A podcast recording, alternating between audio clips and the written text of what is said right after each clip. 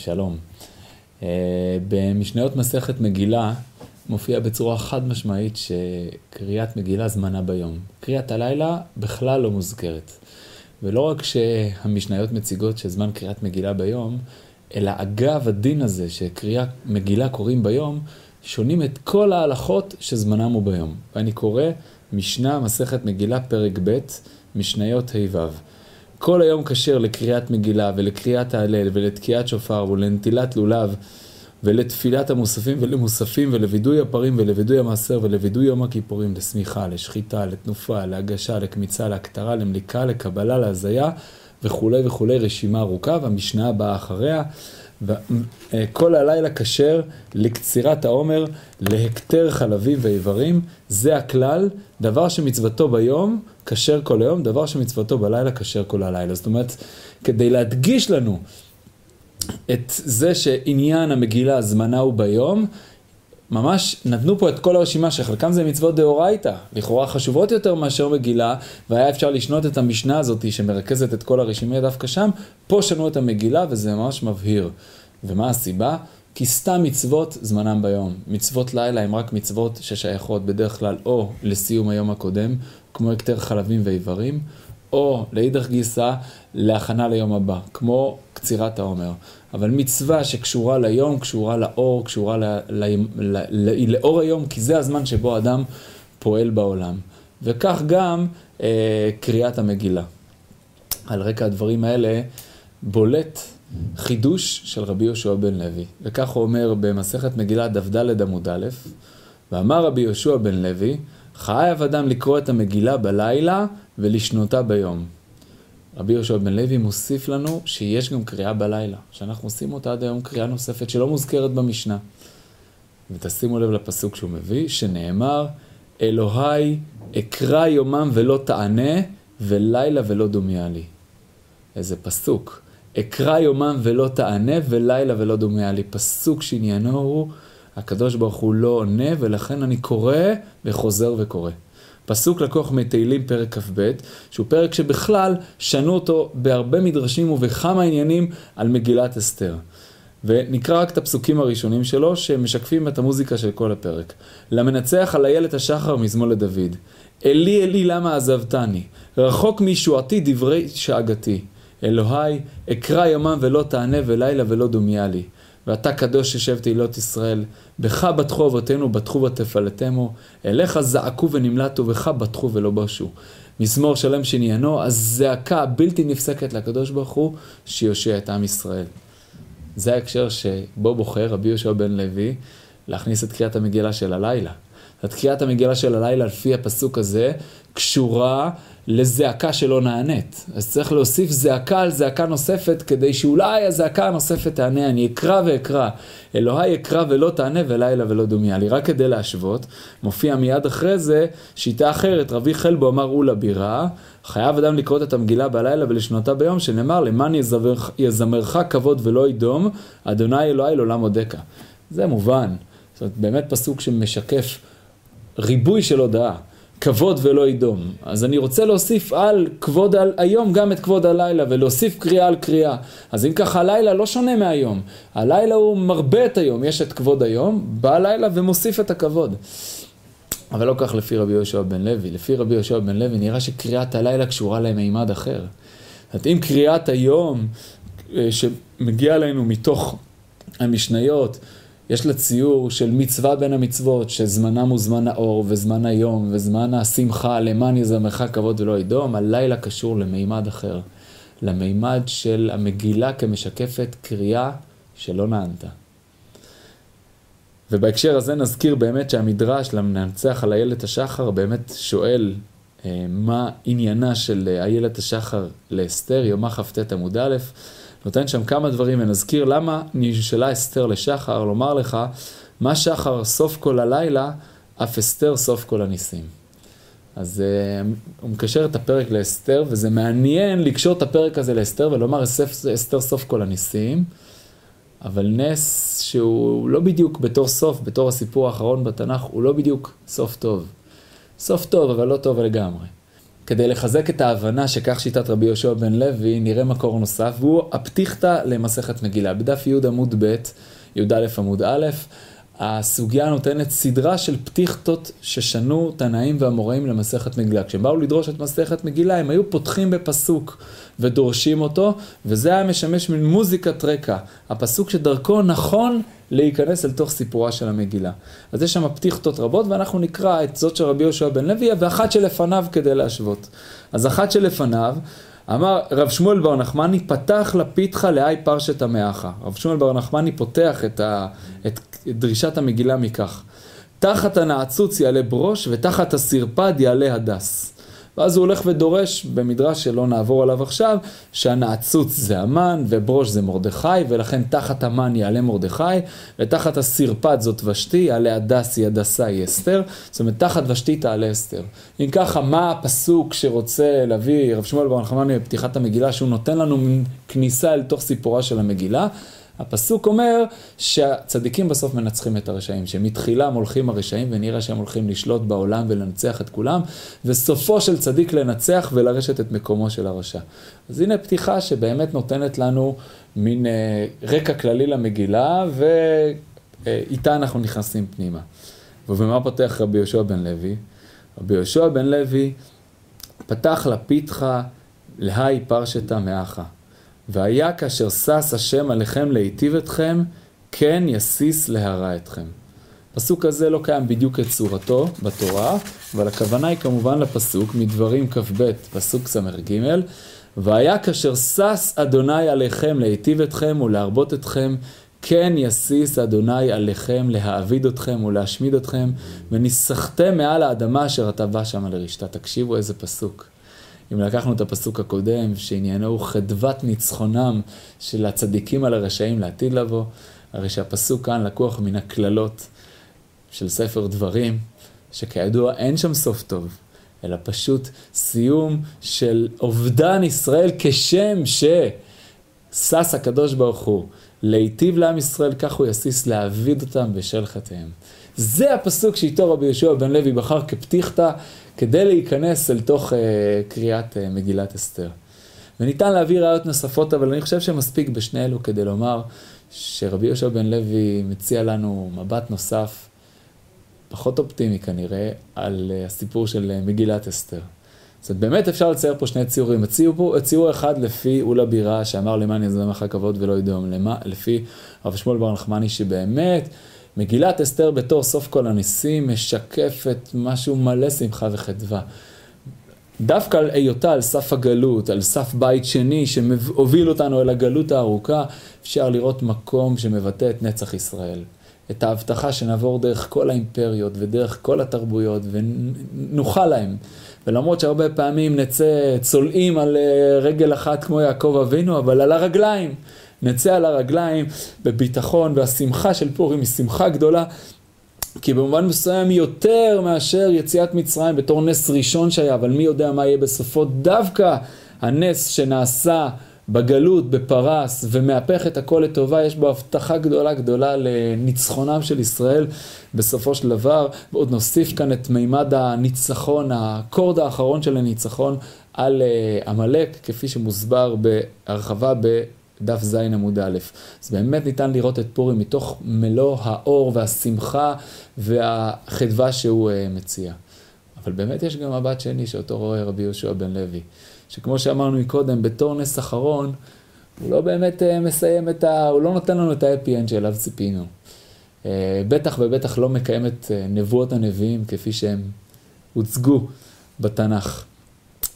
אמ, בתחילת פרק שני, אולי כדי להסביר את זה, הגמרא של מסכת מגילה מבארת את הסדר של הברכות ב-18, והיא מתארת את הברכות של 18 בתור סיפור פנימי, שהולך ומתקדם כל הזמן.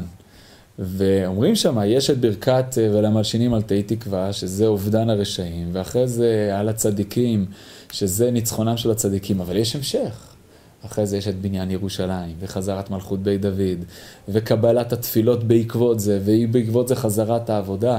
זאת אומרת, ניצחון הצדיקים על הרשים אין לו תפקיד כשלעצמו. הוא חלק מסיפור, סיפור שיש לו מטרה סופית, שהוא הייעוד של עם ישראל. הקמת מלכות בית דוד עם שכינה בתוך אה, ארץ ישראל, זה הסיפור האמיתי. ומה יש לנו? מה יש לנו במגילה? ניצלנו, אוקיי, הצלחנו לחלץ משיניו של הצורר התורן. אז הרווחנו עוד כמה עשרות שנים, אולי קצת יותר עד שיבוא הצורר הבא. לאן זה יתקדם? לאן זה הגיע? יש פה חדש? איפה ארץ ישראל בתוך הסיפור? איפה החזרה? הרי כורש הצהיר הצהרה, פתח איזה פתח, ועכשיו לא פחות ולא יותר מאשר סגן הנשיא, ראש סגל הבית הלבן, הוא המשנה למלך בפרס. והמלכה, האישה הראשונה, גם היא נמצאת שמה. איפה התיאור של ירושלים, השליחים המיוחדים ששולחים לירושלים, התהלוכה שיוצאת לכיוון ירושלים, שמחדשת, שבונה את בית המקדש, שעוזרת לשבי יהודה במלחמתם נגד האנשים מבחוץ שמאיימים עליהם ולא נותנים להם להתקדם, כל זה לא נמצא. המגילה מתחילה בגלות ונמצאת בגלות והיא כולה בסיפור של הגלות, כולה תככים בתוך החצר המלוכה של האימפריה השלטת, ואחרי הישועה, שמחה גדולה לישועה, הצעד הבא פשוט לא מגיע. ולא לחינם, גם אחרי שהישועה מתגלית, יש הסתר אחד שעדיין נשאר. ששמו של הקדוש ברוך הוא עדיין לא נגלה. כי מילא אם נגיד שהמגילה היא מגילת אסתר לכל אורכה, אבל מה קורה בסוף? הרי יש ישועה גדולה. מסתבר שגם שם הקדוש ברוך הוא עוד לא נמצא. אם יש משהו שנמצא באמת בסוף המגילה, זה הפסוק של רצוי לרוב אחיו, שדרשו אותו חז"ל בסוף פרק ראשון, רוב ולא קול. שמקצת סנהדרין פרשו ממנו. שהייתה איזו ביקורת על ההתרחשות הזאת, שהיא באמת נס גדול של הצלה. אבל היא לא הישועה, בתור סוף כל הניסים, זה לא נס שמוביל אל המקום שאליו ההשתוקקות והשאיפה של עם ישראל באמת uh, מכוונים. ואם ככה, יש פה צד אחר לפורים. צד שבאמת ביחד עם השמחה גם חי וחווה את החוסר, את מה שעוד לא נשלם, את הפער האדיר בין המצב העכשווי לבין הציפייה והחלום השלמים כפי שהיינו רוצים לראות אותם. ואולי הייתי מוסיף אפילו אומר שזה לא במקרה שרבי יהושע בן לוי חידש את קריאת הלילה, אלא אולי שזה בדיוק העניין. שבאמת קריאת היום קשורה לפורים בתור חג של יום. בתור חג של שמחה על הנס, על ההצלה, על האור שיש ביום. אבל קריאת הלילה קשורה באמת לפורים של לילה. לפחות לפי רבי יהושע בן לוי. קשורה לצד הלילה שיש בפורים, שהוא בסופו של דבר זמן של הסתר, של ישועה, אבל שלא הצליחה להגיע עד לנקודת הסיום שלה. ואולי מתוך הדבר הזה אבקש לנסות להבין עוד uh, מרכיב נוסף, שהוא לא משל רבי יהושע בן לוי, אבל הוא חידוש שהפך את כל הפורים שלנו. וזה החידוש של רבא. כנראה המשפט המפורסם ביותר במסכת מגילה. אמר רבא, מחיה ואיניש לבסומי בפוריה, עד דלא ידע בין ארור המן לברוך מרדכי. מה זה המשפט הזה? רק כדי להבהיר, במשניות של מסכת מגילה בכלל לא מוזכר שיש מצוות סעודה ושתיית יין. מי שיקרא משניות מסכת, מסכת מגילה ילמד שקוראים מגילה, שנותנים מתנות לאביונים. משלוח המנות לא מוזכר, למרות שהוא מוזכר מפורש במגילה, וניתן להבין שהכוונה היא פשוט שצריך לתת משלוח מנות כלשהו, אבל ללא גדרים הלכתיים ברורים. גם הגדרים ההלכתיים של מתנות לבנים לא מוזכרים, רק כדבר שקיים, ולא מוזכר שיש משתה ושמחה, למרות שזה כתוב במגילה. מובן שזה יום שלא אומרים בו תחנון. זה הדבר, הדבר שאותו מתארים. ואם נאמר שיש משתה ושמחה, והרי הדברים כתובים במגילה, נאמר מפורשות שבמה מדובר. מדובר במשתה ושמחה, כמו שיש בסוכות, כמו שיש בפסח. זאת אומרת לשבת, לספר את גודל הנס, לשמוח בשמחת ההצלה, ואין שמחה אלא בבשר ויין. אז שותים יין, אבל שותים במידה, שותים בכמות שעניינה הוא השמחה שיש בארוחה משובחת עם יין טוב, כמו שרואים באמת בחגים אחרים. בפסח מצד מצוות ארבע כוסות, ובסוכות מצד מצוות השמחה. זה באמת שמחה יהודית של אה, העברת המסורת מדור לדור, של השמחה של הישיבה המשפחתית המשותפת. אבל המשפט שאומר, לשתות עד לא ידע בן ארור אמר לברור מרדכי, זאת לא שתייה מהסוג הזה. זאת שתייה שמובילה לחוסר דת. שתייה שבסופו של דבר הובילה בהרבה מובנים לפורים כמו שאנחנו מכירים אותו היום. שהוא לא מצוי על אותה, אותו מרחב שמחה מהסוג שאנחנו מכירים בסוכות ובפסח, אלא משהו מסוג אחר. ושמא תאמרו שאנחנו מבארים את המשפט בצורה קיצונית, הרי הגמרא מיד בהמשך מספרת סיפור שלא משאיר שום אופציה להבנה. רבא ורבי זרע עבדו סעודת פורים בעד העדי דאיבסום, כאמרה שחטי לרבי זרע. מחר באי רחמה וחיי. מתוך סעודת בשר ויין לא מגיעים לדבר כזה. זה מתאר סעודה ושתייה שהגיעו לידי ביטול דעת גמור. וזה דבר שהוא באמת מוזר, ואנחנו חייבים עליו, לתת עליו את הדעת, שהרי אנחנו יודעים היום לומר שזה הפך את פורים. להעביר אותו לחג מסוג אחר, והרבה מובנים גם המנהג של uh, ההתחפשות. Uh, ועוד מנהגים נוספים, אפשר לראות אותם קצת כנגזרים וקשורים מהעניין הזה, שפורים הפך להיות מין חג של uh, חוסר דת, בהרבה מובנים. ולא מהסוג המוכר לנו, והרבה גדולי ישראל באמת יצאו נגד הדבר הזה וביקשו למעט את, ה, את רוח הדברים ולהחזיר את הדברים לפרופורציות ולשתות כדי עמידה ולא יותר מזה, אבל אחרים הלכו עם הדברים כמו שהם כתובים כאן בצורה הפשוטה והחדה שלהם, ומכל מקום צריך לתת עליהם את הדעת. אני מבקש לומר שיכול להיות שגם המשפט הזה מתקשר אל אותו עניין. שהשתייה בפורים עד דלא ידע בן ארור המן לבור מרדכי, היא לא שתיית יום, היא שתיית לילה. זאת אומרת, היא לא קשורה לרעיון של היום, של שמחת הגאולה, של העברת הסיפור מדור לדור, ומתוך זה לשתות כדי להגיע למקום שמח יותר. היא קשורה דווקא לתחושת הפער והמרחק, ויש בה משהו שעניינו לשתות בשביל השכחה. קצת כמו שיכורים. לשתות בשביל השכחה. לשתות בשביל להצליח לשאת את ההסתר שאנחנו נמצאים בו באמת אה, לטווחים ארוכים. ואם הדברים כנים, אז באמת יש בדברי רבא היפוך מאוד מאוד מאוד גדול של פורים, ואני אפילו מציע לומר שבעניין הזה יש מקום להבדיל בין שתיית הלילה לשתיית היום, ושתיית הלילה שנוהגים אותה בעיקר בישיבות, באמת האופי שלה יותר נושא אופי של uh, שתייה לשוחרת דלא ידע בן ארום אמן לברום מרדכי, בשונה משתיית הסעודה, שיש יותר מקום לקשור אותה לפי ההצעה שאני מציע עכשיו, להוויית uh, uh, השמחה לפי שיטת בירה ולפי שיטת רב שמואל בר נחמני. ואולי אפשר עוד בסוגריים נאמר ובשני משפטים לקשור את זה לממרה נוספת של רבא שנמצאת בפרק שני שחידש חידוש שאנחנו מסתבכים איתו היום מאוד מבחינה הלכתית. שבמשנה כתוב שאדם מעיר פרזית שהלך לעיר כרך, הוא קורא כפרזי, כי הוא בן פרז, ואדם שהוא בא מעיר כרך והולך לעיר פרזית, הוא קורא ככך, זאת אתה הולך, אתה מתנהג לפי מי שאתה מהעיר שבה אליה הגעת. וזו הלכה שאנחנו מכירים אותה מעוד מקומות. אם עברת למקום חדש, אבל לידך לחזור למקומך הראשון, אתה עדיין נושא את שם מקומך הראשון עליך, אבל רבא מחדש שמה, שפרוז בן יומו נקרא פרוז ומוקף בן יומו נקרא מוקף. אני לא יודע להסביר את ההלכה הזאת, רבא מחדש אותה, אני רק מציע רעיון כדי להסביר אולי לאור הדברים שהעלינו עכשיו.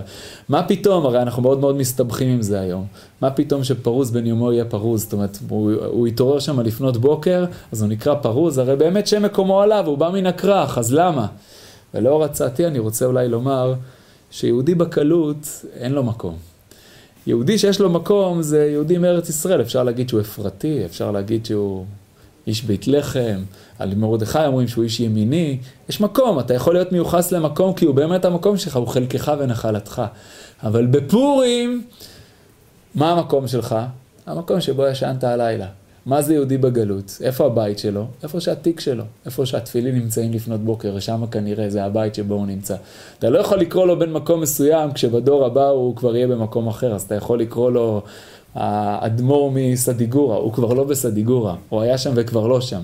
אז uh, יכול להיות, וזאת גם uh, uh, אפשרות, ומכל מקום ביקשנו לצייר כאן בעצם uh, שני ציורים, ובאמת להודות ששניהם נכונים באותו, באותה נשימה.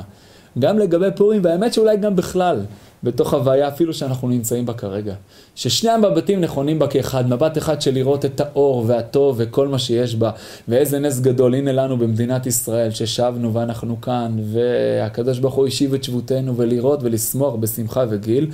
ויש גם מבט אחר, שבאותה מידה רואה שההסתר עדיין בעינו, שהסיפור עוד לא הסתיים, שזה סוף כל הניסים, סוף, אבל סוף שהוא לא באמת אה, הסתיים.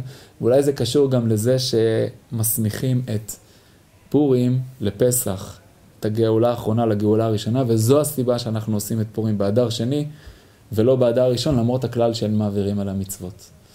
ולסיום הדברים, נאמר אה, רעיון יפה שאותו שמעתי אה, בשמו של הרב אבי וולפיש, שגיבורי המגילה מסודרים בזוגות. מרדכי מול המן ואסתר מול ושתי. תמיד הטוב והרע.